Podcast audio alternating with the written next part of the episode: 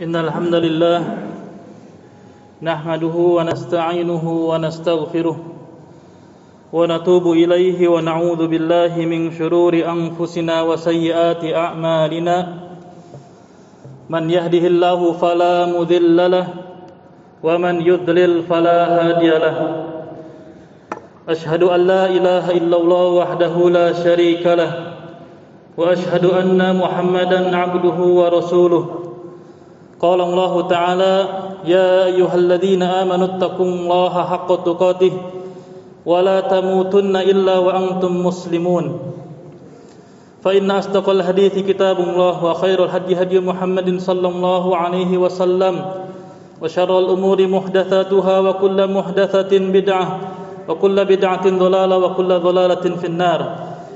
معاشر المسلمين Jamaah salat Jumat yang dimuliakan Allah Subhanahu wa taala, usikum wa nafsi bi taqwallahi faqad fazal muttaqun.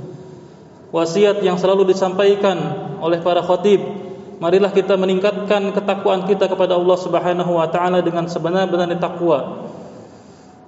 Ma'asyiral muslimin rahimani wa rahimakumullah.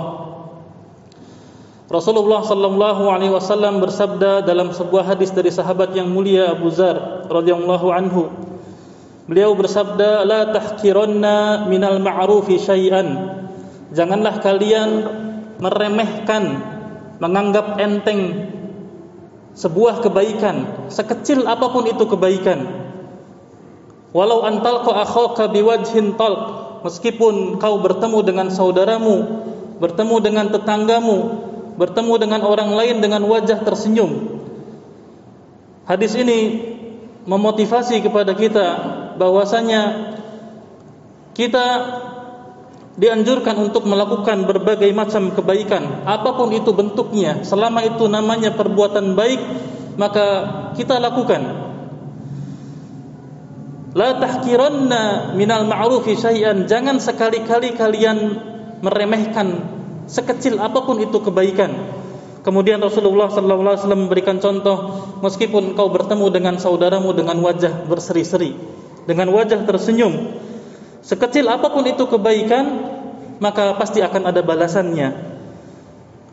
Allah Subhanahu wa taala berfirman faman ya'mal mithqala dzarratin khairan yarah. Barang siapa yang melakukan amalan sekecil zarrah khairan yarah maka niscaya dia akan melihat balasan kebaikan tersebut.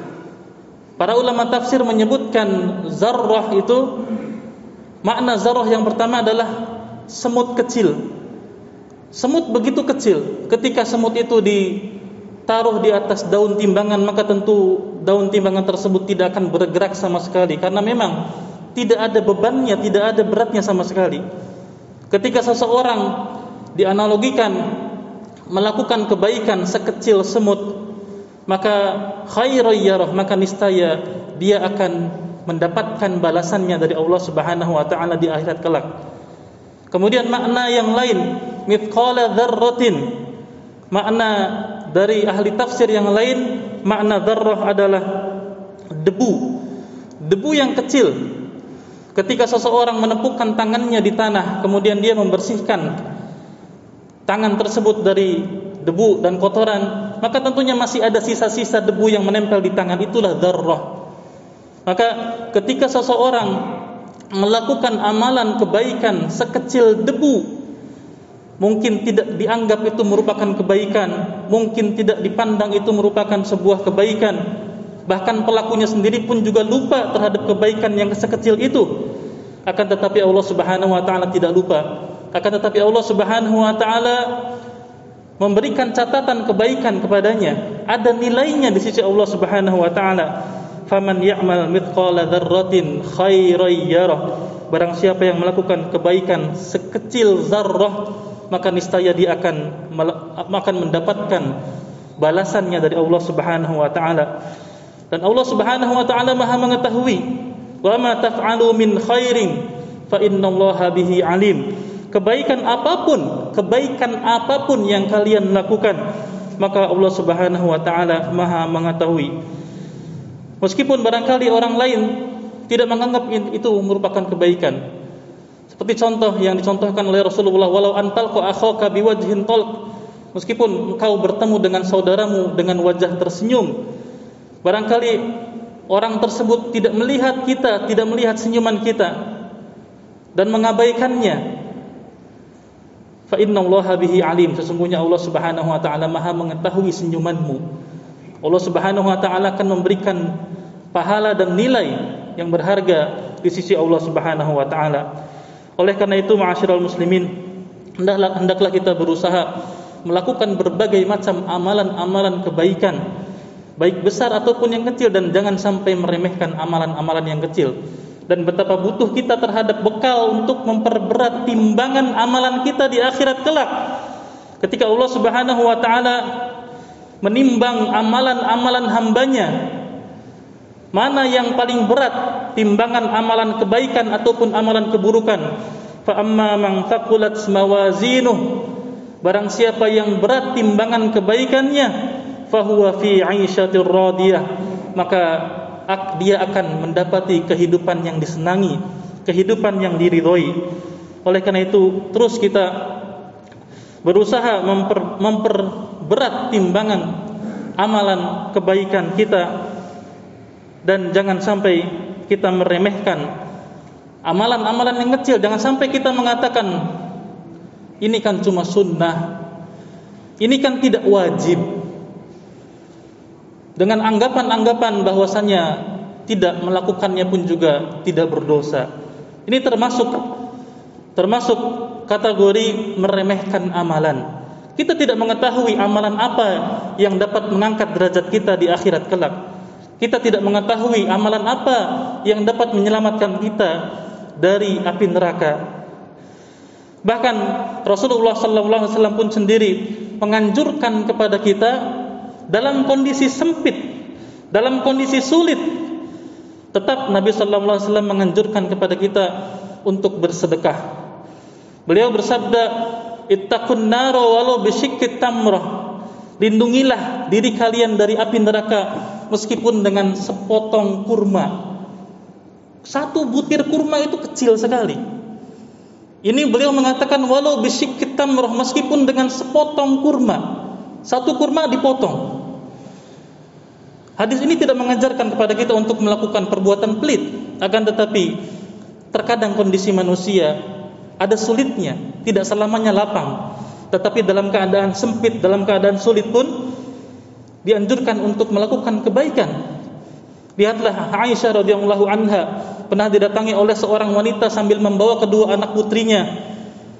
Kemudian datang kepada ke, ke rumah Aisyah radhiyallahu anha. Kemudian Aisyah radhiyallahu anha mencari sesuatu makanan yang bisa diberikan kepada wanita itu.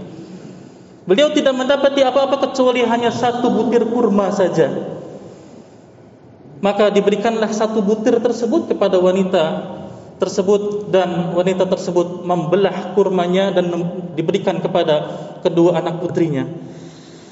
Beliau Rasulullah SAW melanjutkan sabdanya, "Ittaqun nara walau bisyikki tamrah." Lindungilah diri kalian dari api neraka meskipun dengan sepotong kurma. Fa illam tajidu fa kalimatun. Jika kalian tidak mendapati apa-apa untuk diberikan, maka ucapkanlah kata-kata yang baik.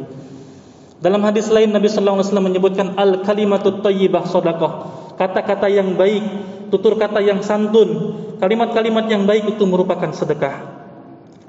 Maka jangan pernah kita meremehkan kebaikan sedikit pun. Ma'asyiral muslimin rahimani wa rahimakumullah. Jangan pernah kita melihat kecilnya pentil ban itu tidak bermanfaat. Semewah apa pun mobil, ketika pentil ban itu rusak maka mobil itu tidak akan bisa jalan. Jangan pernah kita berpikir saya akan melakukan amalan-amalan yang besar, kemudian amalan-amalan yang kecil dia tinggalkan bahkan dia remehkan.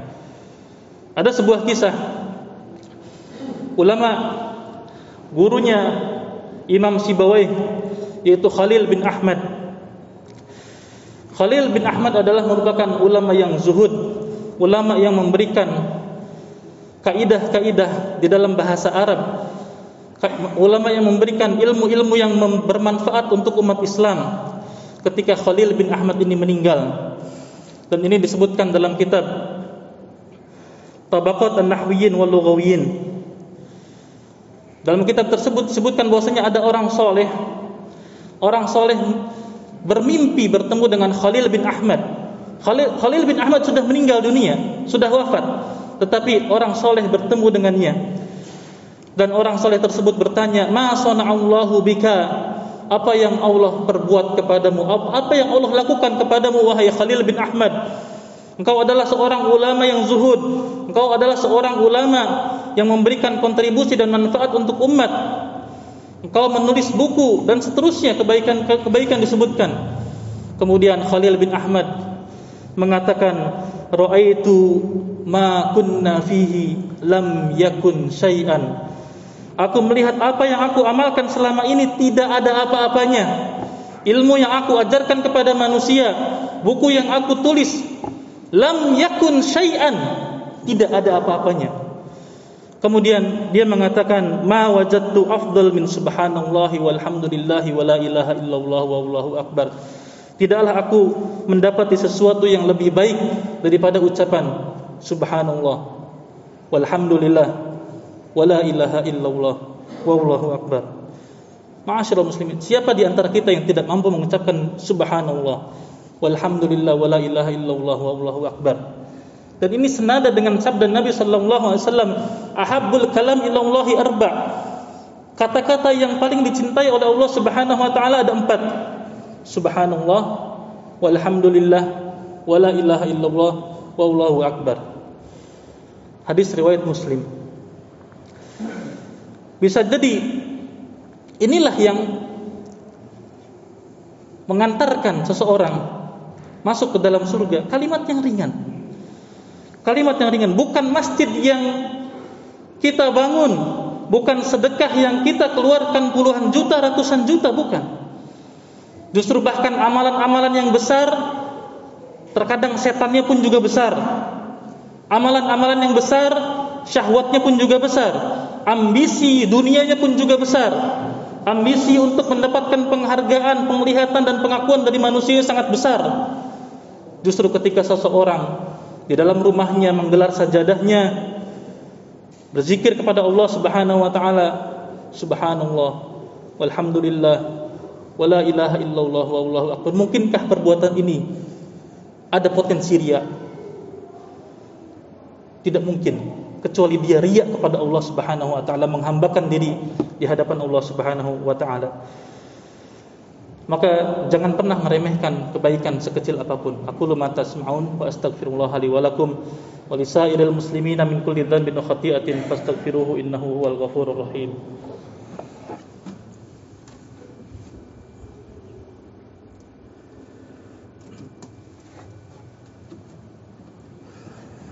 Alhamdulillahilladzi bi ni'matihi tatimmu salihati asyhadu an la ilaha illallah wahdahu la syarikalah anna Muhammadan abduhu wa rasuluh. Ma'asyiral muslimin rahimani wa rahimakumullah. Al-Imam As-Sakhawi di dalam kitabnya Al-Qaulul Badi' fi Salati 'ala Al-Habib Asy-Syafi' Beliau membawakan riwayat dari Abdullah bin Al-Hakam. Abdullah bin Al-Hakam mengatakan tentang kisah tentang Al-Imam Syafi'i telah meninggal dunia. Al-Imam Syafi'i sudah wafat. Tetapi Abdullah bin Al-Hakam menceritakan dan ini dibawakan oleh ulama di dalam kitabnya As-Sakhawi, kitab uh, ulama seorang bernama As-Sakhawi, Al-Imam As-Sakhawi. Ya, Abdullah bin Al-Hakam mengatakan raaitu Syafi'i radhiyallahu anhu, aku melihat Al-Imam Syafi'i dalam mimpiku Kemudian aku bertanya kepadanya, "Ma sana'allahu bika? Apa yang Allah lakukan kepadamu? Apa yang Allah berikan kepadamu?" Kemudian dia menjawab, "Rahimani." Allah merahmatiku. Wa ghafarali dan Allah mengampuniku. Wa zufiftu ilal jannati kama tuzafful arush dan aku di diiring-iringi sebagaimana pengantin yang diiring-iring masuk ke dalam surga. Kemudian Abdullah bin Al-Hakam mengatakan, "Bima balagta hadhil halah?" Bagaimana mungkin kau sampai pada derajat seperti ini? Maka ada yang berkata di balik Imam Syafi'i, "Bikaulika fi kitabir risalah Wasallu karena sebab salawatmu di kitab Ar-Risalah. Al-Imam Syafi'i memiliki karya kitab bernama Ar-Risalah, kitab tentang usulul fiqh. Imam Syafi'i menyebutkan dalam dalam mukaddimahnya wa sallallahu ala Muhammadin adada ma dzakarahu dzakirun wa ghala wa ghafala an dzikrihi al-ghafilun. Ini disebabkan derajat ini disebabkan karena salawatmu yang kau tulis dalam kitab Ar-Risalah semoga Allah memberikan salawat kepada Nabi sallallahu alaihi wasallam di saat orang-orang ingat dan di saat orang-orang lalai. Abdullah bin Al-Hakam mengatakan ketika aku bangun di pagi hari aku segera membuka kitab Al-Imam Syafi'i Ar-Risalah untuk memastikan apakah salawat itu ada di kitab Imam Syafi'i. Maka ternyata di dalam kitab tersebut ada benar adanya. Ma'asyiral muslimin rahimani wa rahimakumullah. Amalan ringan, salawat kepada Nabi sallallahu alaihi wasallam dan ini kita di hari Jumat dianjurkan untuk memperbanyak salawat kepada Nabi sallallahu alaihi wasallam. Salawat amalan yang ringan yang mana saat ini hari ini banyak manusia ketika menulis sallallahu alaihi wasallam disingkat dengan SAW. Bisa jadi salawat yang kita tulis dengan lengkap sallallahu alaihi wasallam itu akan mengantarkan kita dan mengangkat derajat kita ke surga. Maka jangan pernah meremehkan sedikit pun amalan kebaikan. Di zaman Nabi sallallahu alaihi wasallam ada seorang wanita bernama Ummu Mihjan. Seorang wanita tua renta, berkulit warna putih, berkulit hitam. Pekerjaannya membersihkan masjid. Orang-orang menganggapnya orang biasa tidak memberikan kontribusi banyak untuk Islam, tidak berjihad di jalan Allah, tidak memberikan hartanya untuk jalan Allah Subhanahu wa taala, pekerjaannya ringan, pekerjaannya remeh. Membersihkan masjid. Suatu ketika suatu malam wanita ini Ummu Hijan ini meninggal dunia. Kemudian diurusi oleh para sahabat, kemudian sampai dikuburkan. Para sahabat tidak membangunkan Rasulullah pada malam itu dengan anggapan tidak perlulah kita membangunkan Rasulullah SAW demi wanita demi wanita ini. Di pagi harinya Rasulullah SAW bertanya, di mana wanita yang biasa membersihkan masjid? Matat ya Rasulullah, telah meninggal wahai Rasulullah. Dan kami memandang tidak perlulah kami membangunkan engkau demi wanita ini. Apa yang beliau katakan? Beliau beliau marah, "Afala adantumuni Mengapa kalian tidak membangunkanku? Mengapa kalian tidak mengabarkanku? Dullani ala qabriha. Tunjukkan aku di mana kuburannya. Seorang wanita yang tidak memberikan manfaat banyak kepada dakwah Islam. Akan tetapi Rasulullah SAW tidak meremehkan kebaikan yang dia lakukan. Beliau mengatakan, "Dullani ala qabriha, di mana kuburannya? Tunjukkan kepadaku." Kemudian Rasulullah SAW pergi ke kuburan tersebut diiringi oleh para sahabat dan beliau menyolati jenazah wanita tersebut meskipun sudah dikuburkan. Ma'asyiral muslimin rahimani wa. Maka marilah kita tidak menganggap diri kita lebih baik daripada orang lain. Ketika kita melihat seseorang itu biasa-biasa saja, amalannya biasa-biasa saja, bisa jadi ada sesuatu rahasia antara dia dengan Allah Subhanahu wa taala. Innallaha wa malaikatahu yusalluna 'alan nabi يا أيها الذين آمنوا صلوا عليه وسلموا تسليما اللهم صل على محمد وعلى آل محمد كما صليت على إبراهيم وعلى آل إبراهيم وبارك على محمد وعلى آل محمد كما باركت على إبراهيم وعلى آل إبراهيم إنك حميد مجيد اللهم اغفر للمؤمنين والمؤمنات والمسلمين والمسلمات الأحياء منهم والأموات إنك سميع قريب مجيب الدعوات ويا قاضي الحاجات. اللهم آت نفوسنا تقواها وزكها أنت خير من زكاها أنت وليها ومولاها. ربنا ظلمنا أنفسنا وإن لم تغفر لنا وترحمنا لنكونن من الخاسرين. ربنا آتنا في الدنيا حسنة وفي الآخرة حسنة وقنا عذاب النار. والحمد لله رب العالمين. أقم الصلاة إن الحمد لله نحمده ونستعينه ونستغفره ونتوب إليه ونعوذ بالله من شرور أنفسنا وسيئات أعمالنا من يهده الله فلا مضل له ومن يضلل فلا هادي له أشهد أن لا إله إلا الله وحده لا شريك له وأشهد أن محمدا عبده ورسوله قال الله تعالى في القرآن الكريم يا أيها الذين آمنوا اتقوا الله حق تقاته ولا تموتن إلا وأنتم مسلمون. فإن أصدق الحديث كتاب الله وخير الهدى هدى محمد صلى الله عليه وسلم وشر الأمور محدثاتها وكل محدثة بدعة وكل بدعة ضلالة وكل ضلالة في النار. Ma'asyiral muslimin, jamaah salat Jumat yang dimuliakan Allah Subhanahu wa taala. Usikum wa nafsi bi taqwallahi faqad fazal muttaqun. Marilah kita selalu meningkatkan terus meningkatkan kualitas ketakwaan kita kepada Allah Subhanahu wa taala. Faqad fazal muttaqun. Sungguh beruntung orang-orang yang bertakwa. Ma'asyiral muslimin rahimani wa rahimakumullah. Sesungguhnya hubungan seorang hamba dengan Rabbnya ada dua keadaan. Keadaan yang pertama adalah seorang hamba yang diberikan taufik oleh Allah Subhanahu wa taala, diberi petunjuk, dibimbing oleh Allah Subhanahu wa taala, diberikan hidayah oleh Allah Subhanahu wa taala. Dan keadaan yang kedua adalah seorang hamba yang ditinggalkan oleh Allah, dibiarkan oleh Allah Subhanahu wa taala, tidak diberi petunjuk, tidak diberi taufik oleh Allah Subhanahu wa taala, dihinakan oleh Allah Subhanahu wa taala. Dan ma'asyiral muslimin, betapa butuh kita terhadap pertolongan, terhadap bimbingan, terhadap hidayah dari Allah Subhanahu wa taala. Allah Subhanahu wa taala berfirman yang ditujukan kepada nabinya Muhammad sallallahu alaihi wasallam dalam surat Al-Isra, "Walau walaula an thabbatnaka laqad kitta tarkanu ilaihim syai'an qalila. Seandainya kami tidak meneguhkanmu tidak menetapkanmu niscaya engkau akan condong kepada tawaran-tawaran orang-orang kafir Quraisy. Syai'an qalila dengan kecondongan yang sedikit. Ya, jadi orang-orang kafir Quraisy memberikan tawaran-tawaran kepada Nabi Muhammad sallallahu alaihi wasallam dengan tawaran-tawaran yang menggiurkan dengan tawaran-tawaran yang logis untuk menghentikan dakwah Nabi Muhammad sallallahu alaihi wasallam, untuk menghentikan dakwah Islam yang semakin pesat pada saat itu.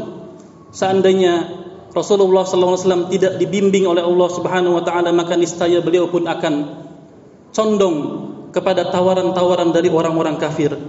Maka kita lihat Rasulullah sallallahu alaihi wasallam sebagai nabi seorang rasul sangat membutuhkan bimbingan dan pertolongan dari Allah Subhanahu wa taala, maka bagaimana dengan kita manusia biasa? Maka dari itu kita dapatkan di dalam Islam Nabi sallallahu alaihi wasallam banyak sekali mengajarkan kepada kita doa-doa. Doa ketika keluar rumah, doa ketika masuk pasar, doa ketika makan, doa ketika safar, dan banyak sekali doa-doa yang diajarkan oleh Nabi Muhammad SAW sampai pun pada masuk kamar mandi ada doanya. Keluar dari kamar mandi ada doanya. Ini menunjukkan betapa butuh kita terhadap bimbingan dari Allah Subhanahu wa taala, betapa butuh kita terhadap pertolongan Allah Subhanahu wa taala. Dan di antara doa yang diucapkan oleh seorang muslim di pagi dan petang hari, di antara zikir pagi dan petang, Rasulullah SAW mengajarkan kepada kita untuk membaca doa ya hayyu ya qayyum bi rahmatika astaghith aslih li sya'ni kullah wa la takilni ila nafsi tarfat ain. Wahai yang maha hidup wahai yang maha tegak dengan rahmatmu aku mohon pertolongan aku mohon bimbingan. Aslih li sya'ni kullah perbaikilah urusanku. Perbaikilah urusanku dan janganlah engkau berikan urusan-urusanku kepada diriku meskipun hanya sekejap mata dan betapa banyak urusan-urusan kita. Urusan kita dengan keluarga, urusan kita dengan pekerjaan, urusan kita dalam beribadah kepada Allah Subhanahu wa taala, maka serahkan semuanya urusan itu kepada Allah Subhanahu wa taala. Dan di dalam Islam pun juga Rasulullah SAW mengajarkan kepada kita untuk doa istikharah ketika kita menginginkan sesuatu, ketika kita berambisi pada sesuatu, bercita-cita, kita mohon beristikharah kepada Allah Subhanahu wa taala agar Allah Subhanahu wa taala memberikan bimbingan apakah pilihan itu baik atau tidak baik. Maka ma'asyiral muslimin rahimani wa rahimakumullah secara umum seseorang mendapatkan taufik, seseorang mendapatkan bimbingan, hidayah, petunjuk dari Allah Subhanahu wa taala ketika seseorang itu berserah diri, merendahkan kepada Allah Subhanahu wa taala bertawakal sebenar-benarnya tawakal berdoa kepada Allah Subhanahu wa taala dengan melaksanakan berbagai macam kewajiban-kewajiban disertai dengan sunnah-sunnahnya sunnah-sunnah ibadah-ibadah yang sunnah membaca Al-Qur'an membaca zikir-zikir sehingga Allah Subhanahu wa taala selalu membimbingnya selalu sehingga dia selalu dekat dengan Allah Subhanahu wa taala dan akhirnya Allah Subhanahu wa taala pun juga cinta kepadanya Ketika Allah Subhanahu wa taala cinta, maka Allah selalu menolongnya. Allah selalu membimbingnya.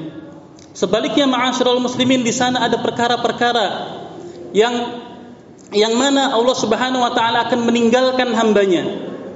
Dan perlu kita ketahui perkara-perkara tersebut agar supaya kita tidak terjerumus pada perkara-perkara sehingga kita ditinggal oleh Allah Subhanahu wa taala wa Pertama, perkara yang menjadikan Allah Subhanahu wa taala meninggalkan hambanya adalah perbuatan syirik. Rasulullah sallallahu alaihi wasallam bersabda, "Man 'allaka syai'an wukila ilaihi barang siapa yang menggantungkan sesuatu, maka wukila ilaihi akan dijadikan dia bertawakal kepada apa yang digantungkan tersebut." Hadis ini berbicara tentang tawak tentang jimat. Ketika seseorang menggantungkan jimatnya di kendaraannya, di rumahnya, di tubuhnya, di warung makannya digantungkan jimatnya. Wukila ilaihi maka Allah Subhanahu wa taala akan menghukumnya dengan dijadikan dia hatinya bertawakal kepada apa yang digantungkannya. Maka ketika dia meninggalkan atau ketinggalan jimatnya maka dia bekerja tidak pede. Dia keluar rumah tidak pede. Mengapa? Karena dia bertawakal kepada apa yang digantungkan olehnya dan ini merupakan hukuman dari Allah Subhanahu wa taala dan kita dapati orang-orang yang menggunakan jimat sangat sulit untuk berubah. Kenapa? Hatinya dihukum oleh Allah Subhanahu wa taala ketergantungan dengan jimat-jimat, ketergantungan dengan dukun-dukun. Wal billah meskipun jimat yang dia gunakan tidak ada efek sama sekali, efek manfaat atau efek madarat dan ma'asyiral muslimin dan kesalahan di antara sebagian kaum muslimin adalah ketika mereka sakit pergi ke dokter atau beli obat dan ketika berobat, ketika berobat hatinya ketergantungan pada dokter, hatinya ketergantungan pada obat. Dan itu merupakan syirik asgor. Ya, ketika kita sakit, kita hanya berharap kesembuhan dari Allah Subhanahu wa taala. Adapun dokter dan obat itu hanyalah sekedar sebab saja. Terlebih dari itu, orang-orang yang melakukan syirik akbar Allah Subhanahu wa taala berfirman, "La taj'al ma'allahi ilahan akhar fataq'uda madhmuman makhdhula." Janganlah kau jadikan bersama Allah sesembahan yang lain, Tuhan yang lain, fataq'uda madhmuman makhdhula, maka kau akan menjadi hina dan kau akan ditinggalkan oleh Allah Subhanahu wa taala maka bayangkan bagaimana orang-orang yang pergi ke tempat-tempat keramat, tempat-tempat kuburan-kuburan keramat, menyajikan sesajen di sana, kemudian hati mereka ketergantungan kepada selain Allah wal billah, maka itu merupakan hukuman dari Allah Subhanahu wa taala karena Allah telah meninggalkannya. Ma'asyiral muslimin rahimani wa rahimakumullah. Poin yang berikutnya adalah Allah Subhanahu wa taala akan meninggalkan orang-orang yang ujub. Orang yang ujub merasa bahwasanya keberhasilan, kesuksesan dan kelebihan yang ada pada dirinya itu merupakan hasil jeripayah usaha dia. Mengapa demikian? Mengapa demikian? Ini orang ini ditinggalkan oleh Allah Subhanahu wa taala mengapa? Karena dia meninggalkan Allah, maka Allah pun meninggalkan dia. Dia meninggalkan Allah karena seharusnya dia sandarkan kelebihan dan kenikmatan yang Allah berikan kepadanya, dia sandarkan kepada Allah Subhanahu wa taala akan tetapi dia menyandarkan kepada dirinya sendiri sebagaimana yang diucapkan oleh Qarun ketika dia mengatakan qala inna ma utituhu ala ilmin indi sesungguhnya aku mendapatkan perbendaharaan harta yang banyak ini karena hasil jeripayahku, karena kecerdasanku. Seharusnya dia sadar yang membuat seseorang berhasil, sukses hanyalah Allah Subhanahu wa taala. Dan ini yang diucapkan oleh Nabi Sulaiman alaihissalam ketika mendapatkan kerajaan yang begitu luar biasa dari Allah Subhanahu wa taala. Sulaiman alaihissalam mengatakan, "Qala hadza min fadli rabbi." Ini merupakan anugerah dari Allah Subhanahu wa taala. Dia beluani untuk mengujiku.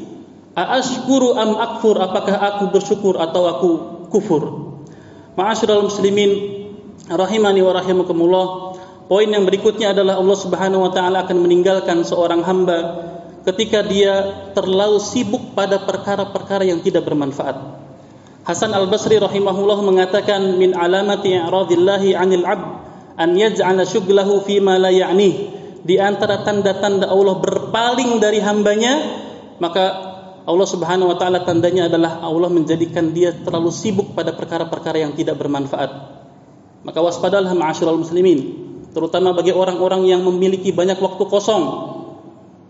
Introspeksi diri, apakah waktunya dia habiskan untuk perkara-perkara yang baik, yang bermanfaat atau justru sebaliknya, ketika seseorang habiskan waktunya dari pekerjaan yang baik beralih pada aktivitas yang baik beralih beralih pada aktivitas yang baik pula maka mudah-mudahan itu merupakan taufik dari Allah Subhanahu wa taala. Akan tetapi sebaliknya ketika seseorang waktunya habis untuk foya-foya untuk main untuk bermedia sosial dan lain sebagainya tidak ada manfaatnya itu merupakan tanda Allah Subhanahu wa taala meninggalkannya Syekh Abdurrahman As-Sa'di rahimahullah mengatakan di dalam tafsirnya sudah menjadi sunnatullah ketika seseorang meninggalkan peribadatan kepada Allah, maka Allah akan jadikan dia beribadah kepada selain Allah. Sudah sunnatullah ketika seseorang meninggalkan tidak berinfak di jalan Allah, maka Allah akan jadikan dia berinfak di jalan setan. Kemudian beliau mengatakan ketika seseorang memiliki banyak waktu dan dia habiskan untuk perkara-perkara yang tidak bermanfaat, padahal dia bisa untuk memanfaatkan waktu tersebut pada perkara yang bermanfaat, maka Allah akan jadikan dia sibuk pada perkara yang tidak bermanfaat. Ma'asyiral muslimin rahimani wa rahimakumullah. Poin yang berikutnya yang keempat, Allah Subhanahu wa taala akan meninggalkan hambanya ketika dia tidak menolong sesama muslim, tidak membantu saudaranya yang membutuhkannya. Ketika ada orang saudaranya datang minta pertolongan, minta bantuan dan dia mampu untuk membantunya, dia mampu untuk menolongnya, maka kemudian dia tinggalkan, dia tidak bantu, maka Allah Subhanahu wa taala akan meninggalkannya. Al muslim akhul muslim, seorang muslim adalah saudara bagi muslim yang lainnya. La yadlimuhu, tidak boleh mendoliminya, wala yakhdhuluhu dan tidak boleh meninggalkannya ketika membutuhkannya. Wala yahkiruhu dan tidak boleh menghinakannya. Ketika ada saudara yang datang kepada kita butuh bantuan, kita mampu, maka bantulah semampu kita. Jangan pernah kita meninggalkannya. Maka ketika seseorang meninggalkan saudaranya yang membutuhkannya, benar-benar dia membutuhkannya dan dia mampu. Lain cerita kalau dia tidak mampu, maka Allah Subhanahu wa taala akan meninggalkannya. Rasulullah SAW bersabda, Allahu fi aunil abdi maka al-abdu fi auni akhihi. Allah Subhanahu wa taala senantiasa selalu menolong hambanya selama hamba itu selalu menolong saudaranya. Ma'asyiral muslimin rahimani wa rahimakumullah. Poin yang kelima adalah Allah Subhanahu wa taala akan meninggalkan hambanya ketika hamba tersebut terlalu cinta terhadap dunia. Hatinya dipenuhi dengan dunia, hatinya dipenuhi dengan kecintaan terhadap dunia Bahkan Rasulullah sallallahu alaihi wasallam bersabda, "Ta'isa 'abdud dinar, ta'isa 'abdud dirham." Celakalah hambanya dinar, celakanya celakalah hambanya dirham. Rasulullah sallallahu alaihi wasallam mengatakan hambanya dinar. Kalau zaman sekarang hambanya rupiah, hambanya dolar. Karena mengapa demikian? Rasulullah tidak mengatakan hamba Allah lagi. Rasulullah mengatakan hambanya dinar. Ini saking hatinya dipenuhi dengan kecintaan yang terlalu berlebihan terhadap dunia. Dia memiliki harta, seolah-olah dia memiliki dan mengatur harta, akan tetapi pada hakikatnya dialah yang diatur oleh harta. Aku qauli hadza wa astaghfirullah li muslimina min kulli dhanbin wa khati'atin fastaghfiruhu innahu huwal ghafurur rahim.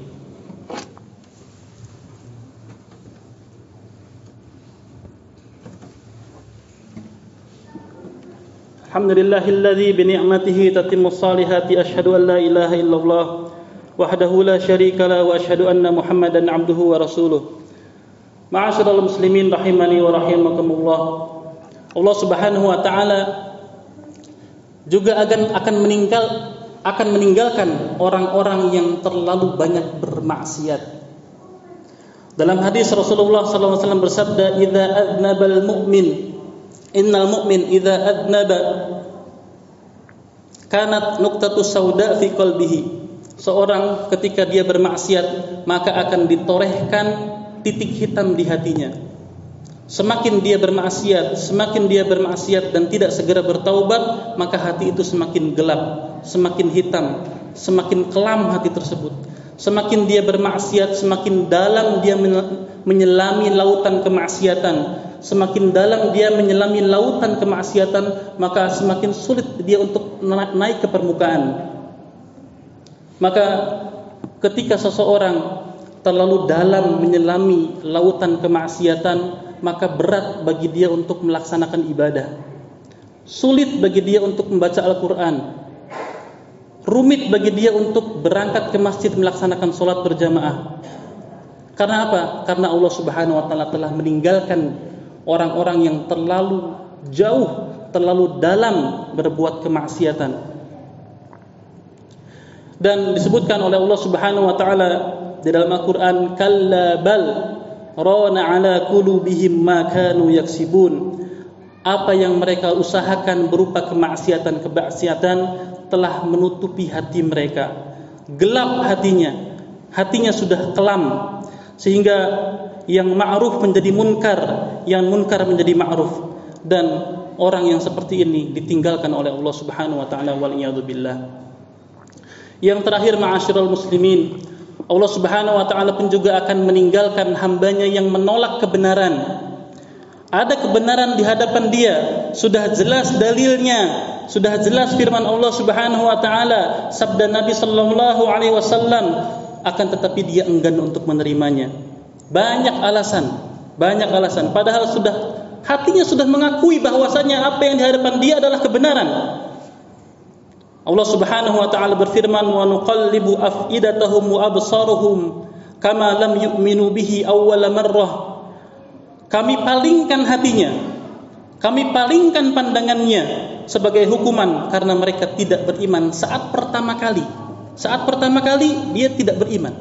Langsung menolak wa nadharuhum fi tughyanihim ya'mahun dan kami biarkan mereka dalam kebingungan mereka bingung dalam kesesatan wal billah maka ma'asyiral muslimin berwaspadalah ketika ada perkara-perkara masalah agama yang sudah jelas hati kita mengakui bahwasanya itu merupakan kebenaran itu merupakan firman Allah Subhanahu wa taala ditambah dengan dalil dari Nabi sallallahu alaihi wasallam apalagi ditambah dengan perkataan-perkataan para sahabat. Sudah yakin ya hati sudah yakin itu merupakan sunnah Nabi Muhammad sallallahu alaihi wasallam akan tetapi banyak alasan untuk menerimanya. Ketika seseorang tidak mampu untuk mengamalkannya, maka katakan saya belum mampu mengamalkannya. Tetapi jangan pernah sampai menolak dalil. Jangan sampai pernah menolak kebenaran. Karena perkara tersebut akan menjadikan Allah Subhanahu wa taala meninggalkan hambanya. Bahkan Allah Subhanahu wa taala membiarkan dia dalam kebingungan, di dalam kesesatan dibiarkan sesat oleh Allah Subhanahu wa taala. Ma'asyiral muslimin rahimani wa rahimakumullah. Semoga Allah Subhanahu wa taala selalu membersamai kita. Jangan sampai kita ditinggal oleh Allah Subhanahu wa taala. Saat kita melakukan kemaksiatan dan dosa segera bertaubat. Jangan dinanti-nanti. Segera kembali, segera bertaubat.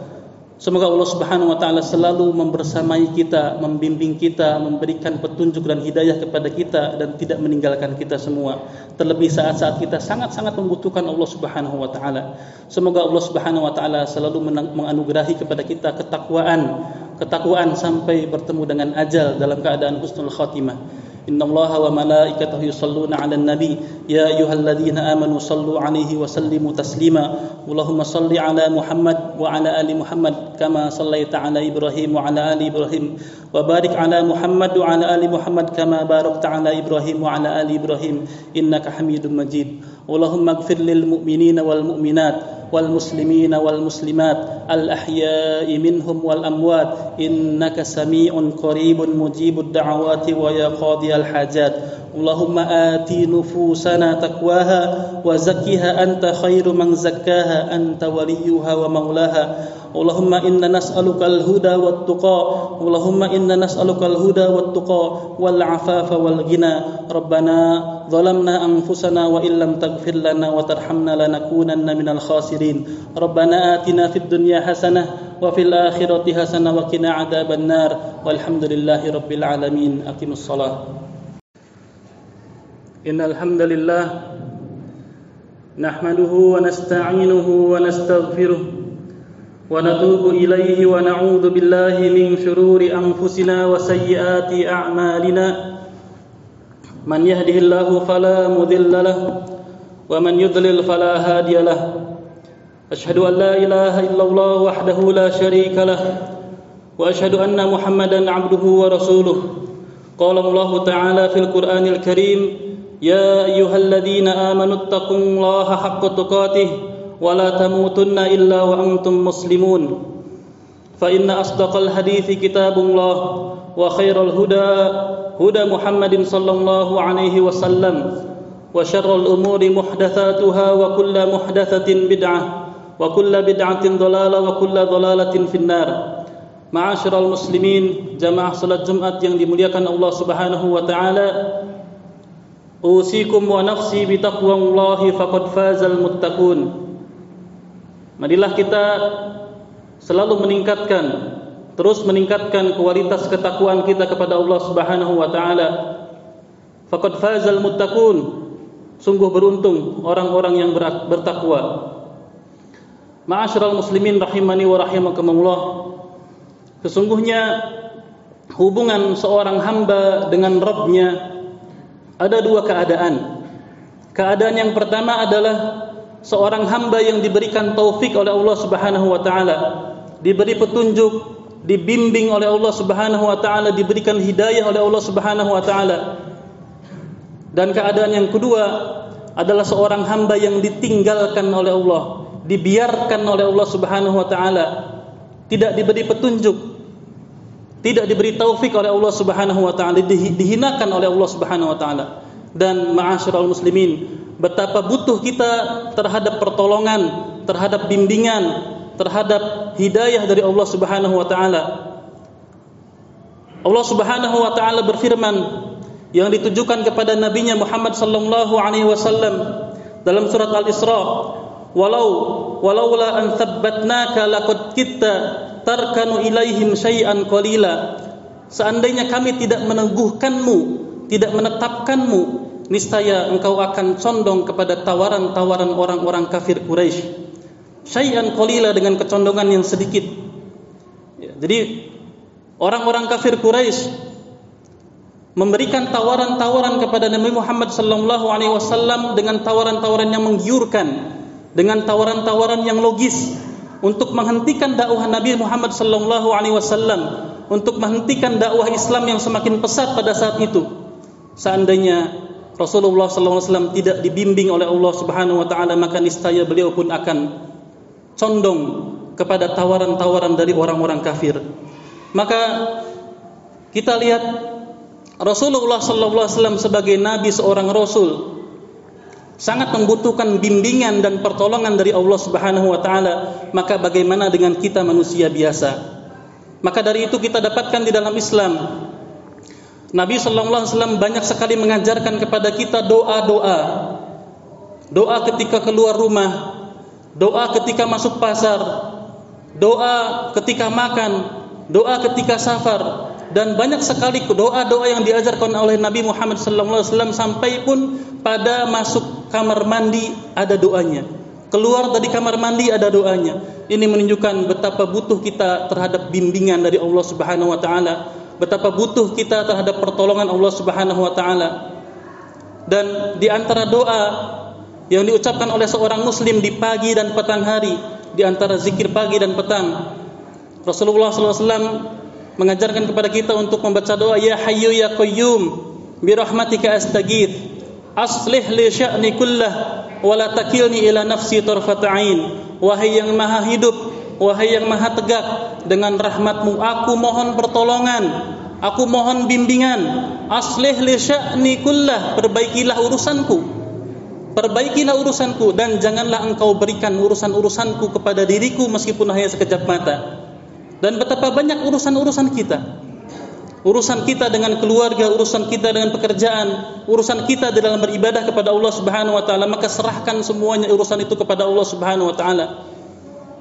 Dan di dalam Islam pun juga Rasulullah SAW mengajarkan kepada kita untuk doa istikharah ketika kita menginginkan sesuatu, ketika kita berambisi pada sesuatu, bercita-cita, kita mohon beristikharah kepada Allah Subhanahu wa taala agar Allah Subhanahu wa taala memberikan bimbingan apakah pilihan itu baik atau tidak baik. Maka ma'asyiral muslimin rahimani wa rahimakumullah secara umum seseorang mendapatkan taufik, seseorang mendapatkan bimbingan, hidayah, petunjuk dari Allah Subhanahu wa taala ketika seseorang itu berserah diri, merendahkan kepada Allah Subhanahu wa taala bertawakal sebenar-benarnya tawakal berdoa kepada Allah Subhanahu wa taala dengan melaksanakan berbagai macam kewajiban-kewajiban disertai dengan sunnah-sunnahnya sunnah-sunnah ibadah-ibadah yang sunnah membaca Al-Quran membaca zikir-zikir sehingga Allah Subhanahu wa taala selalu membimbingnya selalu sehingga dia selalu dekat dengan Allah Subhanahu wa taala dan akhirnya Allah Subhanahu wa taala pun juga cinta kepadanya Ketika Allah Subhanahu wa taala cinta, maka Allah selalu menolongnya. Allah selalu membimbingnya. Sebaliknya ma'asyiral muslimin di sana ada perkara-perkara yang yang mana Allah Subhanahu wa taala akan meninggalkan hambanya. Dan perlu kita ketahui perkara-perkara tersebut agar supaya kita tidak terjerumus pada perkara-perkara sehingga kita ditinggal oleh Allah Subhanahu wa taala wa Pertama, perkara yang menjadikan Allah Subhanahu wa taala meninggalkan hambanya adalah perbuatan syirik. Rasulullah sallallahu alaihi wasallam bersabda, "Man 'allaka syai'an wukila ilaihi barang siapa yang menggantungkan sesuatu, maka wukila ilaihi akan dijadikan dia bertawakal kepada apa yang digantungkan tersebut." Hadis ini berbicara tentang tawak tentang jimat. Ketika seseorang menggantungkan jimatnya di kendaraannya, di rumahnya, di tubuhnya, di warung makannya digantungkan jimatnya. Wukila ilaihi maka Allah Subhanahu wa taala akan menghukumnya dengan dijadikan dia hatinya bertawakal kepada apa yang digantungkannya. Maka ketika dia meninggalkan atau ketinggalan jimatnya maka dia bekerja tidak pede. Dia keluar rumah tidak pede. Mengapa? Karena dia bertawakal kepada apa yang digantungkan olehnya dan ini merupakan hukuman dari Allah Subhanahu wa taala dan kita dapati orang-orang yang menggunakan jimat sangat sulit untuk berubah. Kenapa? Hatinya dihukum oleh Allah Subhanahu wa taala ketergantungan dengan jimat-jimat, ketergantungan dengan dukun-dukun. Wal billah meskipun jimat yang dia gunakan tidak ada efek sama sekali, efek manfaat atau efek madarat dan ma'asyiral muslimin dan kesalahan di antara sebagian kaum muslimin adalah ketika mereka sakit pergi ke dokter atau beli obat dan ketika ketika berobat hatinya ketergantungan pada dokter, hatinya ketergantungan pada obat. Dan itu merupakan syirik asgor. Ya, ketika kita sakit, kita hanya berharap kesembuhan dari Allah Subhanahu wa taala. Adapun dokter dan obat itu hanyalah sekedar sebab saja. Terlebih dari itu, orang-orang yang melakukan syirik akbar Allah Subhanahu wa taala berfirman, "La taj'al ma'allahi ilahan akhar fataq'uda madhmuman makhdhula." Janganlah kau jadikan bersama Allah sesembahan yang lain, Tuhan yang lain. Fataq'uda madhmuman makhdhula, maka kau akan menjadi hina dan kau akan ditinggalkan oleh Allah Subhanahu wa taala maka bayangkan bagaimana orang-orang yang pergi ke tempat-tempat keramat, tempat-tempat kuburan-kuburan keramat menyajikan sesajen di sana, kemudian hati mereka ketergantungan kepada selain Allah wal billah, maka itu merupakan hukuman dari Allah Subhanahu wa taala karena Allah telah meninggalkannya. Ma'asyiral muslimin rahimani wa rahimakumullah. Poin yang berikutnya adalah Allah Subhanahu wa taala akan meninggalkan orang-orang yang ujub. Orang yang ujub merasa bahwasanya keberhasilan, kesuksesan dan kelebihan yang ada pada dirinya itu merupakan hasil jeripayah usaha dia. Mengapa demikian? Mengapa demikian? Ini orang ini ditinggalkan oleh Allah Subhanahu wa taala mengapa? Karena dia meninggalkan Allah, maka Allah pun meninggalkan dia. Dia meninggalkan Allah karena seharusnya dia sandarkan kelebihan dan kenikmatan yang Allah berikan kepadanya. Dia sandarkan kepada Allah Subhanahu wa taala akan tetapi dia menyandarkan kepada dirinya sendiri sebagaimana yang diucapkan oleh Qarun ketika dia mengatakan qala inna ma utituhu ala ilmin indi sesungguhnya aku mendapatkan perbendaharaan harta yang banyak ini karena hasil dari payahku karena kecerdasanku Seharusnya dia sadar yang membuat seseorang berhasil, sukses hanyalah Allah Subhanahu wa taala. Dan ini yang diucapkan oleh Nabi Sulaiman alaihissalam ketika mendapatkan kerajaan yang begitu luar biasa dari Allah Subhanahu wa taala. Sulaiman alaihissalam mengatakan qala hadza min fadli rabbi ini merupakan anugerah dari Allah Subhanahu wa taala beluani untuk mengujiku Aashkuru am akfur apakah aku bersyukur atau aku kufur Ma'asyiral muslimin rahimani wa rahimakumullah Poin yang berikutnya adalah Allah Subhanahu wa taala akan meninggalkan seorang hamba ketika dia terlalu sibuk pada perkara-perkara yang tidak bermanfaat.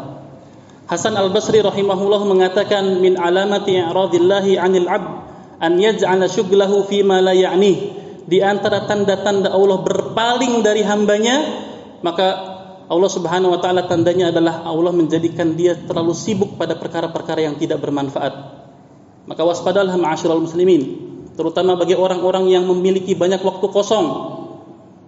Introspeksi diri, apakah waktunya dia habiskan untuk perkara-perkara yang baik, yang bermanfaat atau justru sebaliknya, ketika seseorang habiskan waktunya dari pekerjaan yang baik beralih pada aktivitas yang baik beralih beralih pada aktivitas yang baik pula maka mudah-mudahan itu merupakan taufik dari Allah Subhanahu wa taala. Akan tetapi sebaliknya ketika seseorang waktunya habis untuk foya-foya untuk main untuk bermedia sosial dan lain sebagainya tidak ada manfaatnya. Itu merupakan tanda Allah Subhanahu wa taala meninggalkannya. Syekh Abdurrahman As-Sa'di rahimahullah mengatakan di dalam tafsirnya sudah menjadi sunnatullah. Ketika seseorang meninggalkan peribadatan kepada Allah maka Allah akan jadikan dia beribadah kepada selain Allah. Sudah sunnatullah ketika seseorang meninggalkan tidak berinfak di jalan Allah maka Allah akan jadikan dia berinfak di jalan setan kemudian beliau mengatakan ketika seseorang memiliki banyak waktu dan dihabiskan untuk perkara-perkara yang tidak bermanfaat padahal dia bisa untuk memanfaatkan waktu tersebut pada perkara yang bermanfaat maka Allah akan jadikan dia sibuk pada perkara yang tidak bermanfaat. Ma'asyiral muslimin rahimani wa rahimakumullah. Poin yang berikutnya yang keempat, Allah Subhanahu wa taala akan meninggalkan hambanya ketika dia tidak menolong sesama muslim, tidak membantu saudaranya yang membutuhkannya. Ketika ada orang saudaranya datang minta pertolongan, minta bantuan dan dia mampu untuk membantunya, dia mampu untuk menolongnya, maka kemudian dia tinggalkan, dia tidak bantu, maka Allah Subhanahu wa taala akan meninggalkannya. Al muslim akhul muslim, seorang muslim adalah saudara bagi muslim yang lainnya. La yadlimuhu, tidak boleh mendoliminya, wala yakhdhuluhu dan tidak boleh meninggalkannya ketika membutuhkannya. Wala yahkiruhu dan tidak boleh menghinakannya. Ketika ada saudara yang datang kepada kita butuh bantuan, kita mampu, maka bantulah semampu kita. Jangan pernah kita meninggalkannya. Maka ketika seseorang meninggalkan saudaranya yang membutuhkannya, benar-benar dia membutuhkannya dan dia mampu. Lain cerita kalau dia tidak mampu, maka Allah Subhanahu wa taala akan meninggalkannya. Rasulullah SAW bersabda, Allahu fi aunil abdi maka al abdu fi auni akhihi. Allah Subhanahu wa taala senantiasa selalu menolong hambanya selama hamba itu selalu menolong saudaranya. Ma'asyiral muslimin rahimani wa rahimakumullah, poin yang kelima adalah Allah Subhanahu wa taala akan meninggalkan hambanya ketika hamba tersebut terlalu cinta terhadap dunia. Hatinya dipenuhi dengan dunia, hatinya dipenuhi dengan kecintaan terhadap dunia. Bahkan Rasulullah sallallahu alaihi wasallam bersabda, "Ta'isa 'abdud dinar, ta'isa 'abdud dirham." Celakalah hambanya dinar, celakanya celakalah hambanya dirham. Rasulullah sallallahu alaihi wasallam mengatakan hambanya dinar. Kalau zaman sekarang hambanya rupiah, hambanya dolar. Karena mengapa demikian? Rasulullah tidak mengatakan hamba Allah lagi. Rasulullah mengatakan hambanya dinar. Ini saking hatinya dipenuhi dengan kecintaan yang terlalu berlebihan terhadap dunia. Dia memiliki harta, seolah-olah dia memiliki dan mengatur harta akan tetapi pada hakikatnya dialah yang diatur oleh harta أقول قولي هذا وأستغفر الله لي ولكم ولسائر المسلمين من كل ذنب وخطيئة فاستغفروه إنه هو الغفور الرحيم.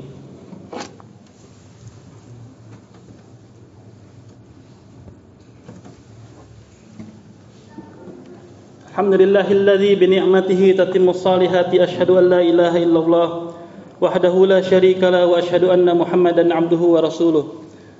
معاشر المسلمين رحمني ورحمكم الله. Allah Subhanahu wa taala juga akan akan meninggal akan meninggalkan orang-orang yang terlalu banyak bermaksiat.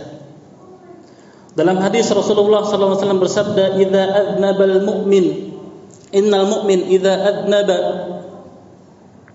kanat nuqtatu sauda fi qalbihi."